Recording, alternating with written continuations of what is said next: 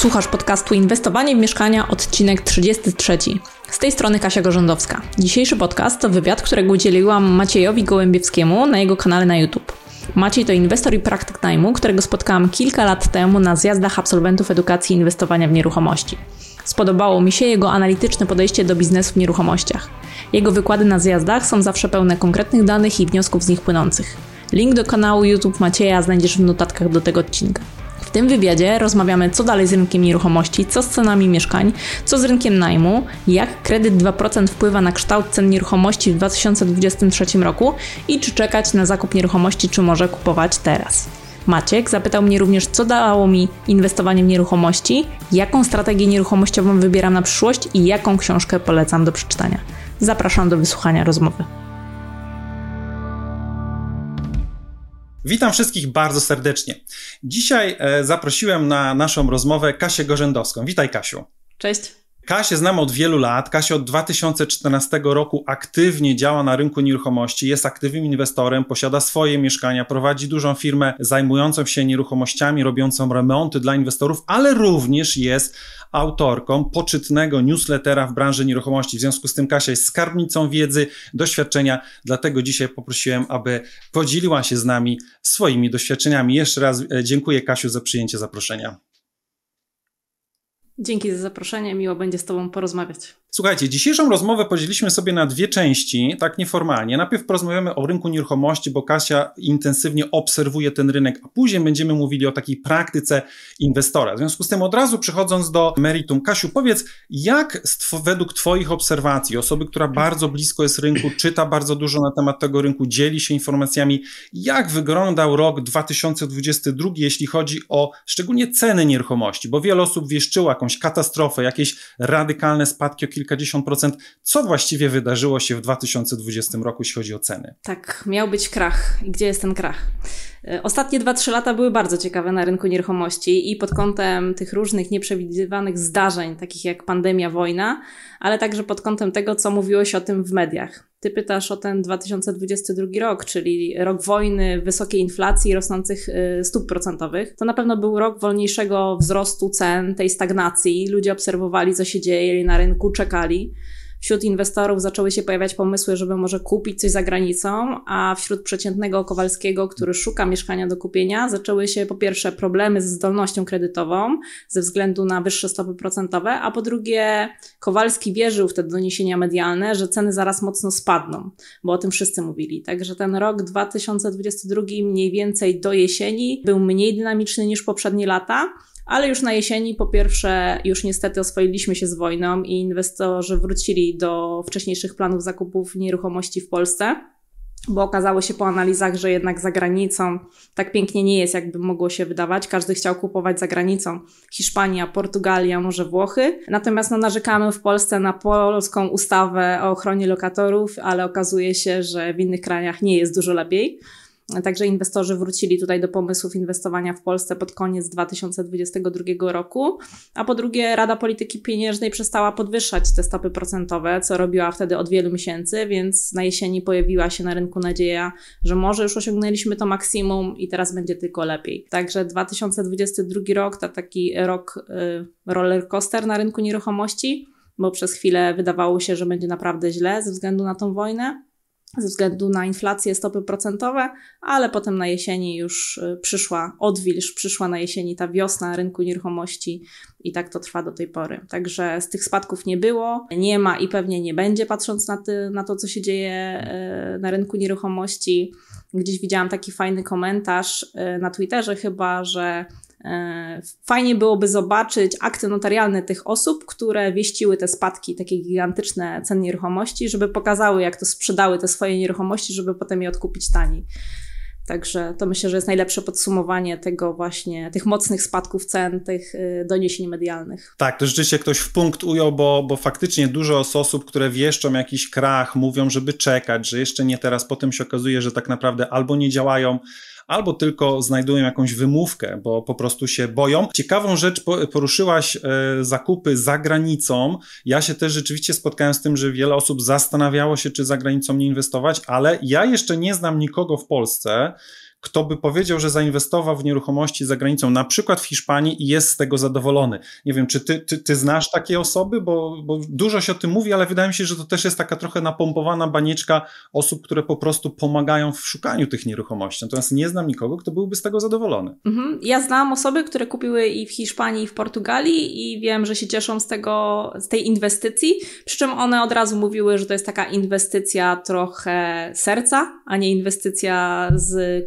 kalkulacji i z głowy. I ja nie jestem przeciwna zakupom za granicą, bo myślę, że sama za parę lat też bym chciała coś kupić akurat w Chorwacji. Mi się marzy, ale no od razu z takim disclaimerem, że to jest zakup właśnie z potrzeby serca, a niekoniecznie zakup uzasadniony inwesty- tabelką obliczeniami. Także myślę, że tutaj trzeba byłoby to rozróżnić. Też te, ta chęć inwestorów do zakupu nieruchomości za granicą wynika przede wszystkim z tego, że baliśmy się, co tutaj się zadzieje ze względu na wojnę, więc każdy z nas chciał mieć jakieś miejsce, gdzie będzie mógł uciec, więc to była taka naturalna reakcja obronna. Więc jeżeli ktoś miał takie środki i mógł sobie pozwolić po prostu na taki kaprys inwestycyjny, no to myślę, że, że mógłby być zadowolony. Natomiast od strony inwestycyjnej myślę, że te osoby no niekoniecznie będą miały tutaj zadowolenie z tego, tych zainwestowanych środków. Natomiast no nie wszystko da się przeliczyć tabelką. Tak, no to fajną rzecz poruszasz, bo rzeczywiście y, często słyszymy, że powinno się myśleć Excelem, natomiast cały czas wiele osób myśli sercem i to jakoś jest zrozumiałe, realizują swoje potrzeby też takie emocjonalno-estetyczne, bo w sumie fajnie jest powiedzieć, że mam mieszkanie czy, czy, czy nawet jakiś dom gdzieś tam w, ciepłych krajach, choć rzeczywiście może jak najdalej od Hiszpanii, żeby nie popaść w ręce okupas, e, o których też sporo się słyszy, co tam się wyczynia e, w tym kraju. No dobrze, słuchaj, to, to był rok 2022, ja też widziałem, że wiele osób wtedy wstrzymał wstrzymało działania, ale byli taki, tacy, którzy ten moment dobrze wykorzystali.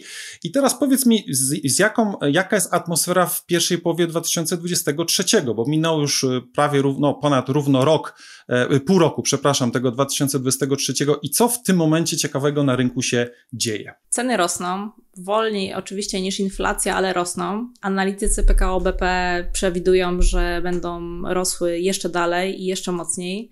Ja uważam, że wszystko zależy od miasta i rodzaju nieruchomości. Ja akurat działam w Łodzi, przede wszystkim na rynku wtórnym.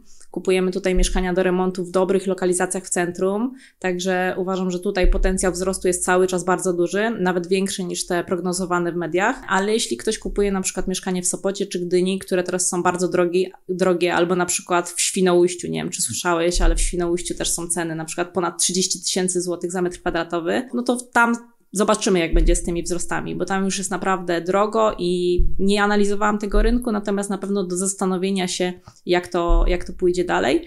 Także no to jest e, rok, który jest rokiem też wyborczym.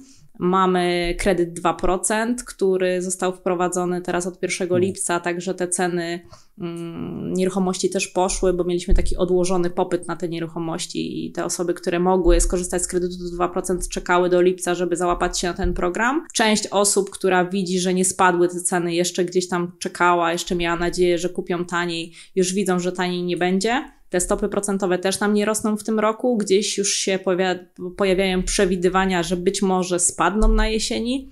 Zobaczymy, czy spadną, bo to oczywiście nadal rok wyborczy, więc dużo rzeczy się mówi e, po to, żeby ludzie byli zadowoleni, a niekoniecznie są to uzasadnione rzeczy gospodarczo. Także jest to kolejny ciekawy rok, ale w tym roku jest dynamicznie i ceny rosną. No właśnie, poruszałeś dwa tematy, czyli kredyt 2% i różne nowe zapowiedzi polityków. Mo może zajmijmy się tym pierwszym tematem. Powiedz, jak, jak ty oceniasz program Bezpieczny Kredyt 2%? Jak on będzie rzeczywiście wpływał? Czy to jest taki jednorazowy hype? Czy to jest coś, co bardziej długofalowo i strukturalnie wpłynie na ten rynek? Co się mówi wśród wśród inwestorów czy wśród osób aktywnych, z którymi ty masz e, kontakt? Jak ty to obserwujesz? Jest duże ożywienie na rynku. Pośrednicy, z którymi rozmawiam, mówią, że od lipca mają pełne ręce roboty. Wprowadzenie tego kredytu 2% spowodowało wzrost popytu na mieszkania, co z kolei prowadzi do wzrostu cen. Mamy też w tej chwili mniejszą podaż mieszkań w ostatnich miesiącach, także deweloperzy oddają mniej E, także dzieje się to, czego się spodziewaliśmy, te ceny rosną. Mnie osobiście ten program nie dotyczy, bo nasi klienci z niego nie korzystają. Po pierwsze, moimi klientami są inwestorzy, którzy kupują mieszkania na wynajem, także no, tutaj się nie załapią na ten program. A budujemy też osiedle i naszym, naszą grupą docelową są młode osoby z dziećmi, ale też te domy są ponad kwotę, która łapie się na ten kredyt 2%. Poza tym, jeżeli ktoś kupuje dom, to zazwyczaj już jakąś, jakieś mieszkanie, kawalerkę, coś miał, także też się nie łapią na, na ten, ten program. Ja też mam trochę taki dysonans z tym programem kredyt 2%, bo z jednej strony cieszę się, że jest, bo wpłynął pozytywnie na rynek nieruchomości, bo ludzie się bali w zeszłym roku, to już rozmawialiśmy w 2022, co będzie dalej, czekali, obserwowali. Ten program pomógł im uwierzyć w ten rynek, wrócić na ten rynek i dokonywać tych zakupów, więc ja działając na rynku nieruchomości cieszę się, że to nastąpiło. Ale z drugiej strony osobiście jestem przeciwna dawaniu takich programów, bo mhm. uważam, że jeżeli kogoś nie stać na mieszkanie, nie stać na dom, no to nie powinien go kupować. A niestety to jest kolejny taki program po różnych innych wcześniejszych, e, na przykład mieszkanie bez składu własnego był taki program, które powodują, że osoby, które no niekoniecznie mają taką sytuację finansową, która by pozwoliła im kupić, mogą kupić ten dom, mieszkanie, no i potem Pewnie znasz tę historię, dzieją się różne kiepskie rzeczy y, z nimi, bo najczęściej kupuje się pod sam korek tych, y, ten dom, bo chce się mieć jak największy, jak najładniejszy, żeby się pokazać, a potem właśnie jest taka sytuacja jak 2022, że stopy procentowe rosną i ludzie się budzą, że no nie mają z czego mm, zapłacić raty, trzeba robić programy pomocowe, zawieszenia rat kredytów. No to mm. jest, uważam, nie tak, nie tak to powinno być, także. Takie jest moje zdanie na temat tego programu. Tak, no to jest rzeczywiście taki kolejny przykład programu, który ma stymulować rynek kosztem pieniędzy publicznych, czyli kosztem podatników. Rzeczywiście dość często w sumie z taką cyklicznością w Polsce się on pojawia, bo przecież i wszystkie programy wcześniejsze typu mieszkanie dla młodych, te dopłaty i tak dalej, właściwie można powiedzieć, że co kilka lat jakiś taki duży program rządowy się pojawia i ten rynek troszkę jest do, e, jakby dopompowywany. E, ale z drugiej strony zobacz, bo to jest pomaganie tym powiedzmy najsłabszym uczestnikom rynku, bardziej konsumentom, a z drugiej strony zapowiadane jest sporo różnych zmian regulacyjnych, prawnych, które mają ukrócić pewne praktyki, czy w jakiś sposób zmienić rynek, ten bardziej profesjonalny, prawda? Czyli są równe, różne pomysły wpływania na pośredników, różne pomysły wpływania na tych, którzy hurtowo kupują. Czy możesz troszkę powiedzieć o tym, jakie zmiany też tutaj rządzący już nam fundują, bądź przynajmniej zapowiadają, że o nich myślą w kolejnych miesiącach? Mhm. Mamy, pamiętajmy, że 2023 rok to jest rok wyborczy, więc to jest bardzo kluczowe, żeby o tym pamiętać, śledząc te pomysły w tym roku. Sama jestem ciekawa, jak to będzie wyglądać w kolejnych latach, także jak ktoś będzie oglądał ten odcinek albo odsłuchiwał mojego podcastu, który, w którym też omawiam takie newsy, to sama jestem ciekawa, jak to będzie wyglądać za jakiś czas. Także możecie napisać w komentarzu, jeżeli już jesteście w 2024 i zobaczymy, jak, w którą stronę to poszło. Natomiast widać, y, że politycy szukają dwóch grup. Po pierwsze, szukają według mnie grup, które są nielubiane przez społeczeństwo. I to są na przykład grupy typu deweloperzy, bo deweloperzy właśnie za dużo zarabiają, bo to są pośrednicy, bo pośrednicy też za dużo zarabiają i nic nie robią na tym rynku. Tak, tak społeczeństwo twierdzi. W związku z tym rządzący chcą wrzucać tam dodatkowe regulacje. I na przykład ostatni pomysł jest taki, żeby wprowadzić cztery takie punkty na rynku pośrednictwa, które pomogą temu rynkowi wyjść na prostą. E, ministrowie nazywają to patologią na rynku pośrednictwa.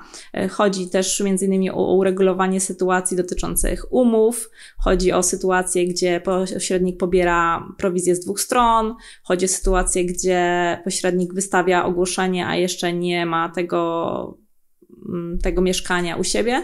Także takie pomysły się pojawiają i wiemy, jak działa rynek pośrednictwa, wiemy, że jest dużo do zrobienia na tym, w tym obszarze, także tutaj y, idealnie rządzący trafili, bo większość ludzi przyklaskuje. Czy coś z tego wyjdzie, okaże się, bo już mamy sierpień i za chwilę są te wybory, więc nie wiem, czy zdążą uchwalić te wszystkie przepisy, które planowali. I to jest ta jedna grupa nielubiana przez społeczeństwo. No i jest też ta druga grupa właśnie tych kredytobiorców, młodych osób, które chcą kupić mieszkanie i tutaj też rządzący chcą im pomóc i tutaj jest ten kredyt 2%, o którym już rozmawialiśmy. Natomiast pomysł niedawny, który zostanie lada moment wprowadzony, bo pod koniec sierpnia, e, na początku września, to będzie brak podatku PCC od zakupu mieszkań, pierwszego mieszkania, czyli to jest taki ukłon w stronę młodych osób, które kupują po raz pierwszy nieruchomość, nie będą musiały płacić na rynku wtórnym tego podatku dwuprocentowego, czyli przy takiej średniej cenie e, mieszkania, dajmy na to 400-500 tysięcy, zakładając, że ktoś kupuje jakieś pierwsze mieszkanie małe, no to jest 8-10 tysięcy oszczędności. I to też jest taki ewidentny ukłon dla tych y, młodych osób, przyszłych prawdopodobnie tutaj wyborców. Tak, tutaj rzeczywiście na rynku w tym momencie bardzo dużo się dzieje, zawsze w roku wyborczym to przyspiesza. Jeśli chodzi też o pośredników, o których wspominałaś, to wiem, że miałaś nagrany taki oddzielny materiał o tym, jak ten rynek funkcjonuje, właśnie kwestia tych pobierania prowizji z dwóch stron, także też zachęcam i zapraszam, że zapoznać się z tym materiałem Kasi, bo on trochę porządkuje. Rzeczywiście pośrednicy nie mają zbyt dobrej opinii na rynku. Tutaj też apel do pośredników, którzy nas słuchają, bo to pokazuje, że jest cały czas bardzo duże miejsce na to, żeby zrobić dobre firmy pośredniczące, nie? że tutaj ten rynek aż się prosi o to, żeby znalazły się nowe pomysły, nowe profesjonalne podmioty, które jeszcze lepiej obsługują klientów, bo jak widać, pośrednicy są potrzebni, a jednocześnie jest taka chęć e, znalezienia dobrych pośredników. Także e, jest, jest co robić i tutaj kibicujemy, bo wiemy, jako uczestnicy rynku, że pośrednicy zawsze będą, będą potrzebni i trzymamy kciuki, żeby było ich jak najlepiej, e, jak najlepsze firmy pośredniczące, jak najlepiej im się powodziło. Kasiu, tak mówimy o zakupach nieruchomości, o cenach, a powiedz, bo w sumie często inwestorzy, z którymi ty pracujesz, kupują te mieszkania po to, e, nie tyle, żeby inwestować we wzrost wartości, to owszem też, ale przede wszystkim, żeby czerpać bieżące korzyści z najmu. I powiedz znowu z perspektywy tego, co się w tym momencie dzieje w ostatnich latach czy kwartałach, jak ten rynek najmu, w jaką, w jaką stronę zmierza, co na nim się dzieje? Młodzi ludzie cały czas mają pieniądze, wynajmują mieszkania, wynajmują pokoje, ceny najmu rosną, rosną opłaty eksploatacyjne, mamy inflację, więc to wszystko idzie do góry, a nadal młodzi ludzie mają z czego płacić, akceptują coraz wyższe ceny, które wynikają właśnie z tych eksploatacji większej. Nadal najem na pokoje działa świetnie mimo że wiele osób gdzieś po pandemii zaczęła mieć wątpliwości, czy najem na pokoje jest to dobry pomysł, to uważam, że to się świetnie obroniło i nadal bardzo fajnie się pokoje wynajmują. Jest y, poza tym coraz więcej młodych osób, które pracują na przykład w branży IT i zarabiają świetnie, także też szukają troszkę lepszych nieruchomości i już tu idą na przykład w kawalerki. Co ciekawe, niektóre z tych osób bardzo szybko przechodzą do zakupu własnego mieszkania, a potem do zakupu mieszkań inwestycyjnych, bo widzą, że to działa, że jest potrzeba. Także ten rynek najmu jest naprawdę ciekawy. E, rok 2022 też był e, rokiem ogromnego boomu na najem ze względu na uchodźców. Teraz jest ich już mniej, ale nadal ten rynek działa dobrze. Jesteśmy w trakcie kolejnego sezonu najmu, zobaczymy jak to pójdzie, ale patrząc tutaj na, i na przedłużenia, i na ceny, które proponujemy, i na zainteresowanie, to jestem bardzo dobrej myśli. Tak, ja też tutaj potwierdzam, że ten nowy sezon, w którego teraz jesteśmy jakby na początku otwierania, zapowiada się bardzo obiecująco. Oczywiście wszystko jeszcze przed nami, wiele się może wydarzyć, ale widać, że ten rynek cały czas się bardzo dobrze trzyma, mimo różnych zapowiedzi, że e, będzie na nim się e, inwestorom wiodło coraz gorzej. I teraz, Kasiu, przechodząc właśnie do tematu takiego e, bardziej ogólnego, nie tyle co się teraz dzieje na rynku nieruchomości, ale tak jak obserwuję Ciebie od lat, pamiętam kiedy ja w 2016 roku wchodziłem, Ty już byłaś bardziej zaawansowanym inwestorem od, od paru lat działającym, zaczęłaś bodajże w 2014. Zaczęłaś też jako stosunkowo młoda osoba inwestować w nieruchomości i powiedz tak teraz z perspektywy tego doświadczenia, to mm, co właściwie Ci dały nieruchomości i dlaczego w tą branżę właśnie zainwestowałaś? Mm, nieruchomości przede wszystkim dały mi czas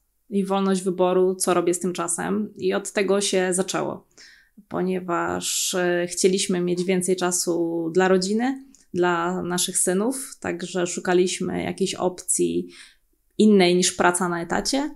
I gdzieś tam znalazły się, czytając różne książki, słuchając różnych podcastów, znalazł się pomysł na nieruchomości.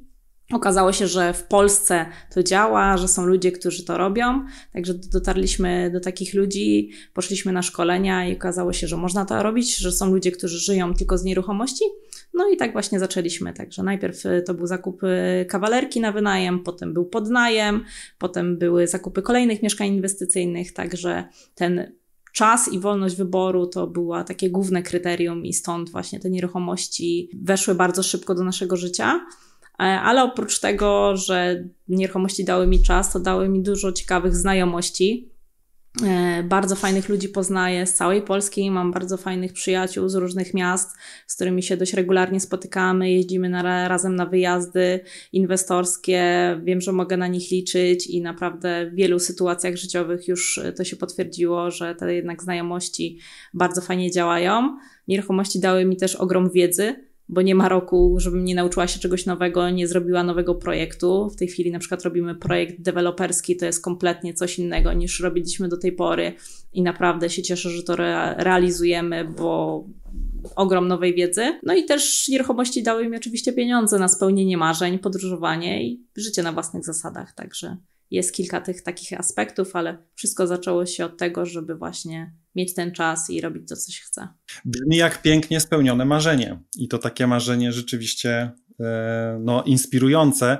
Ciekawe, że wiele osób, które, tak jak patrzę, e, też wśród znajomych, którzy są w tym rynku, to wiele osób podkreśla właśnie te, między innymi te dwie rzeczy, które ty powiedziałaś, ta wolność dysponowania swoim czasem i ciekawe towarzystwo, które wokół nieruchomości się poznaje. To jest rzeczywiście też coś, czego ja doświadczyłem i, i rzeczywiście chyba nie do przecenienia, bo byłem wcześniej w innych branżach, tam tak nie było, było więcej jakiejś takiej zazdrości, takiego współ, e, takiej rywalizacji właściwie zupełnie niepotrzebnej, podczas gdy E, byłem w wielkim szoku wchodząc w temat nieruchomościowy, w branży nieruchomościowej, jak tutaj dużo jest networkingu i wzajemnego pomagania sobie. To jest naprawdę coś niesamowitego, unikalnego w tej branży, także wszystkich, którzy szukają tego typu e, doświadczeń, to zapraszamy do, do tego świata nieruchomościowego.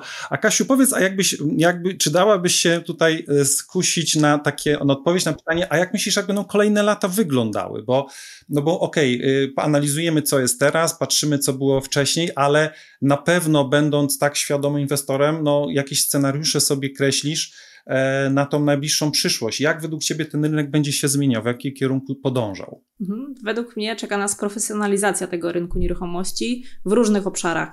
Na start na pewno będzie to najem mhm. i pośrednictwo, o którym już rozmawialiśmy.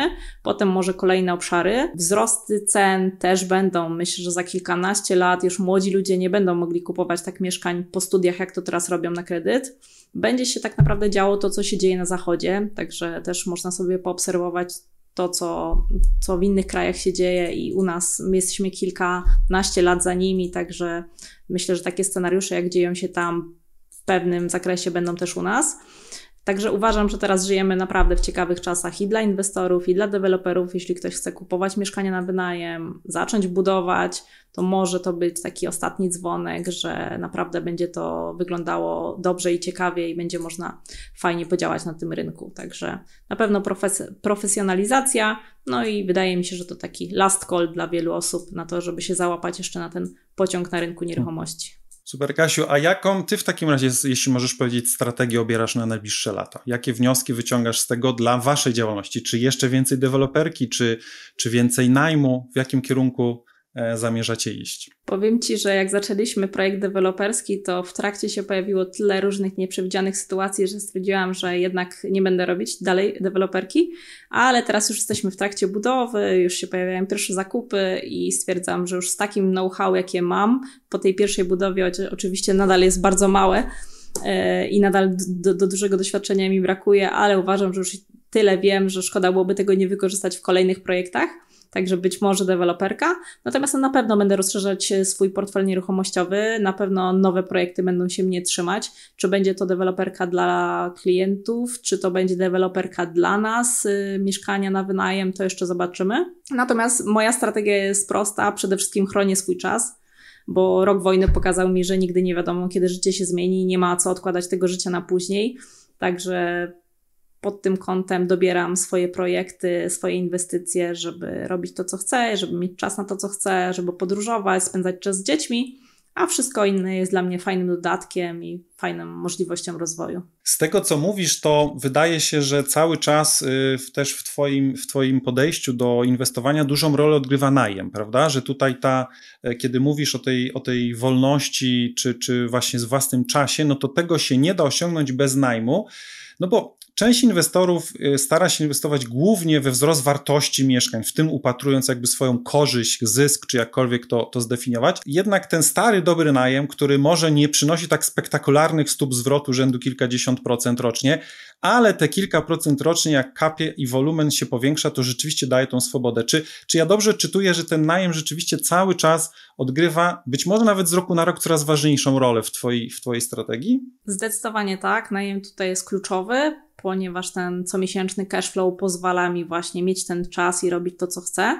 Także pod tym kątem zdecydowanie wybieram takie nieruchomości. Natomiast wiesz, ja działam w Łodzi, więc tutaj jest mi bardzo łatwo połączyć te dwa kryteria, o których wspomniałeś przy zakupie na wynajem, bo mamy relatywnie tanie mieszkania, najtańsze z miast wojewódzkich, a ceny najmu są bardzo dobre, a w związku z tym rentowność. Także ten i mam dobry cash flow i mam bardzo fajny wzrost wartości nieruchomości.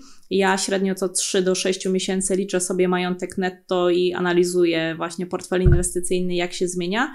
Także naprawdę przyjmuje dość ostrożne założenia odnośnie cen mm, nieruchomości y, i uważam, że naprawdę idzie to w fajnym kierunku. Łódź ma potencjał, dynamicznie się rozwija, także pod tym kątem świetnie mi się tutaj inwestuje. Natomiast oprócz zakupu na wynajem, to również flipujemy mieszkaniami i tu już mhm. E, ta cena zakupu odgrywa dużą rolę, bo za chwilę będziemy je sprzedawać za kilka, kilkanaście miesięcy po podniesieniu wartości za pomocą na przykład remontu, zmiany układu mieszkania, rozwiązaniu problemu prawnego. Także tutaj większą wagę przywiązujemy do ceny zakupu, bo wiemy mniej więcej w jakiej cenie będziemy sprzedawać, w jakiej się sprzeda dla inwestora takie mieszkanie. Także tutaj na to patrzymy. Natomiast ten najem jest e, naszym głównym filarem tutaj. Super. A powiedz Kasiu, mm, czy bo, bo widać, że masz to wszystko pięknie przemyślane, poukładane. Powiedz mi, czy jeśli przychodzi do ciebie inwestor i mówi, Pani Katarzyna, może ja bym jeszcze chwilę poczekał, bo może będą lepsze ceny. Czy ma jakieś takie wątpliwości, czy kupować już, już teraz, a może jeszcze czekać, może się wstrzelić w jakiś idealny timing, to Jaką ty masz rekomendację dla takich osób, które cały czas boją się podjąć tej decyzji? Kupić, nie kupić, bo z jednej strony by chciał, z drugiej strony się boi, a może jeszcze poczekać. Jak takim osobom pomóc podjąć decyzję i co im mówić? Tak, po pierwsze, no to nigdy nie namawiam inwestora na zakupy inwestycyjne, bo to uważam, że jest bardzo indywidualna decyzja. Jeżeli inwestor chce ze mną szerzej przedyskutować swoje plany inwestycyjne, to jak najbardziej chętnie. Natomiast no, nigdy za niego takiej decyzji nie podejmę, bo uważam, że składa się na to wiele czynników, chociażby cele inwestycyjne, portfel inwestycyjny, jak wygląda, jakie są plany, jakie ewentualne, nie wiem, środki inne finansowe posiada, czy ma na przykład chociażby poduszkę finansową, bo to też nie jest oczywiste. E, jest dużo ludzi, którzy kupują mieszkania, potem e, zaczęły się problemy na przykład z kredytami, większe mm, raty kredytowe, jeżeli ktoś, kupował, jeżeli ktoś kredytował mieszkanie, okazało się, że nie mają z czego zapłacić, także trzeba naprawdę tutaj ostrożnie do tego tematu podejść e, ze strategią przeliczyć i wiedzieć, po co się to robi. Nie na zasadzie, że kolega kupił mieszkanie na wynajem, to świetna inwestycja i to zróbmy no bo tak naprawdę inwestowanie w nieruchomości mówi się, że to jest sport narodowy Polaków. Jeżeli Polak nie wie, w co zainwestować, to najczęściej w nieruchomości i to jest fajne, bo uważam, że nieruchomości mają ogromny potencjał. Natomiast nie znam innej takiej branży inwestycyjnej, nie znam innego takiego dobra, które byłoby tak. Yy, w którym byłyby, byłaby taka ignorancja, taki poziom ignorancji. Nie wiem, Maćku, czy ty też to obserwujesz, ale szczególnie w poprzednich latach, jeszcze przed pandemią, kiedy ten rynek był szybko rosnący, no to było bardzo dużo takich pseudoinwestorów, pewnie mogę tak powiedzieć, którzy gdzieś tam kupili, bo kolega w pracy powiedział, że kupił. A co to jest za filozofia wynająć, wyremontować, a ja w tym mieszkaniu zrobię co chcę, przecież to jest moje mieszkanie, nie będzie mi tutaj nikt tutaj z jakimś prawem budowlanym wjeżdżał. No i naprawdę no to nie były udane inwestycje. Także nie znam innego takiego dobra, które byłoby tak ignorowane tutaj przy inwestycjach, jak właśnie e, nieruchomości.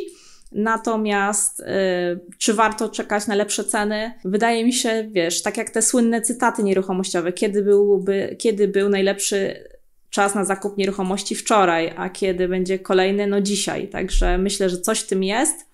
Jeżeli ktoś kupuje spekulacyjnie, chce szybko kupić, szybko sprzedać, no to naprawdę, no pewnie te ceny mają dla niego większe znaczenie, ale jeżeli tak jak my i głównie nasi inwestorzy inwestujemy w perspektywie 20, co najmniej oczywiście 20-30 lat, jak nie więcej, no to tak naprawdę te fluktuacje na tym rynku nieruchomości nie mają aż takiego znaczenia. Jeżeli masz w tej chwili pieniądze, masz zdolność, masz to przemyślane, wiesz czego chcesz i to jest jakby spójne z tym, co będziesz chciał robić i nie będziesz chciał za dwa lata sprzedać, bo się, nie wiem, nagle okaże, że nie masz, nie wiem, żeby kupić pralkę albo lodówkę pieniędzy, bo, bo się spłukałeś do zera, no to tak, to teraz jest dobry czas na zakup nieruchomości. Ale jeżeli nie masz tego przemyślanego, jeszcze potrzebujesz czasu, no to lepiej poczekać. Wiele osób się boi, że te ceny dalej będą rosły, tak? Mamy dwie grupy znowu. Osoby, które czekają na te spadki i próbują y, ten dołek gdzieś tam znaleźć i mamy te osoby, które też y, boją się, że za chwilę tak wzrosną, że już w ogóle nie będą mogli kupić, ale to też uważam, że nie jest dobry, dobry moment dla nich. Musi to być jakby decyzja przemyślana, sprawdzona, potwierdzona wyliczeniami, tabelką, trzeba wiedzieć, czego się chce. No i kupujemy to na lata, a nie na, nie na dwa lata. Tak, ale ja rzeczywiście potwierdzam, że e, są dwa tematy, na których znają się wszyscy Polacy. Pierwszy to jest polityka ostatnich czasach nawet geopolityka, no i drugi temat to jest nieruchomości. Oczywiście mężczyźni jeszcze na piłce nożnej, natomiast to są rzeczywiście takie tematy, że każdy ma swoją opinię, bo każdy jakąś styczność z nieruchomościami ma. I to jest taki temat, który rozpala umysły, a rzeczywiście tutaj niepotrzebne są e, emocje, tylko bazowanie na danych, na analizie, na rozmowach z doświadczonymi osobami, które to robią. E, I na pewno, drodzy widzowie, jak widzicie, Kasia jest jedną z tych osób, które emanują wiedzą, doświadczeniem, ale i też takim bardzo spokojnym, analitycznym i ustrukturyzowanym podejściem. Tutaj widać, że jest strategia, że jest dobrze przemyślane, co Kasia robi, jak robi, jak współpracuje z, ze swoimi partnerami biznesowymi. Także Kasiu, bardzo dziękujemy za podzielenie się e, tymi swoimi e, doświadczeniami i swoją wiedzą. E, mam pytanie, gdzie powinien się skierować ktoś, kto chciałby bardziej zaczerpnąć z Twojej wiedzy i z Twojego doświadczenia? Gdzie, gdzie należy, aby się udał? Myślę, że po imieniu i nazwisku znajdziecie mnie w różnych mediach społecznościowych, także zachęcam wygooglać Kasia Gorzędowska.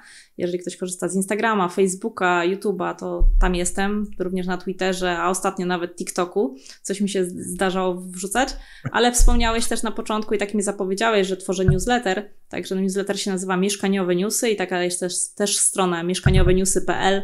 Także zapraszam, jeżeli ktoś chciałby dostawać taką prasówkę, przegląd y, ciekawych artykułów z branży nieruchomości raz w tygodniu w piątek, to mieszkanioweniewsy.pl. Nagrywam też podcast Inwestowanie w mieszkania, także w różnych aplikacjach znajdziecie. Także jeżeli ktoś będzie zainteresowany kontaktem, to myślę, że w wielu miejscach natknie się na mnie. Drodzy widzowie, ja pozwolę sobie nawet powiedzieć w ten sposób, że jeśli jeszcze e, interesując się nieruchomościami nie natrafiliście na Kasię, to znaczy, że kiepsko szukaliście, bo e, Kasia akurat jest jedną z tych osób, która jako jedna z pierwszych używała social mediów w nieruchomościach, nawet kiedyś robiła kursy z tego tematu, także naprawdę, jeśli jeszcze nie napotkaliście, znaczy, że niewystarczająco głęboko kopaliście, także do dzieła. Natomiast Kasiu, jeszcze takie końcowe pytanie do ciebie, e, niekoniecznie związane z nieruchomościami, czy e, jeśli mogłabyś polecić coś naszym słuchaczom, nie? coś, co ostatnio przeczytałaś, obejrzałaś, coś ci zainspirowało, czy po prostu uważasz za jakiś e, ciekawy sposób e, wykorzystania swojego czasu, cokolwiek, co byś chciała polecić e, naszym widzom? Sporo czytam. Ostatnio w wakacje nadrobiłam wiele ciekawych książek, które miałam poleconych, także myślę, że jednak jedną książkę mogę polecić dalej, bo żyjemy w takich czasach dość szybkich, w czasach dekoncentracji. I książka, którą ostatnio przeczytałam, to jest książka od Nir Ial, Nierozpraszalni. Gdzieś tutaj Pokażę Wam okładkę. Taka żółta. Tak wygląda mhm. książka. Tak, tak, tak, nierozpraszalni. Yy, jaka jest najlepsza recepta na dobre wyniki w każdym aspekcie, w każdej branży? Okazuje się, że to jest koncentracja. Wszyscy o tym wiemy, a mało kto z nas to robi. Żyjemy właśnie w świecie social media, w świecie smartfonów, powiadomień. Także warto tutaj zapoznać się z tą książką. Jest taki jeden cytat, który mi się bardzo podobał z tej książki, który też gdzieś wrzucałam w swoich social mediach, bo uważam, że idealnie pokazuje, na czym się skupiamy, a na czym powinniśmy. E, zacytuję, bo zapisałam sobie, żeby, żeby przekazać. Pomyśl, ile zamków, systemów, zabezpieczeń i skrytek służy nam do ochrony własności, a jak niewiele robimy, aby chronić swój czas. Także to jest takie fajne połączenie tych nieruchomości, o których rozmawialiśmy i tego czasu, Maćku, o którym też wspominaliśmy, że jest ważny. Także zdecydowanie książka Nirajala, Nierozpraszalni to jest coś, co uważam, że warto w dzisiejszych czasach przeczytać. Natomiast jeszcze chciałam nawiązać do tego, co powiedzieli do słuchaczy, że słabo szukali. E, to ja chciałam tylko powiedzieć, że ja się mało reklamuję w social mediach.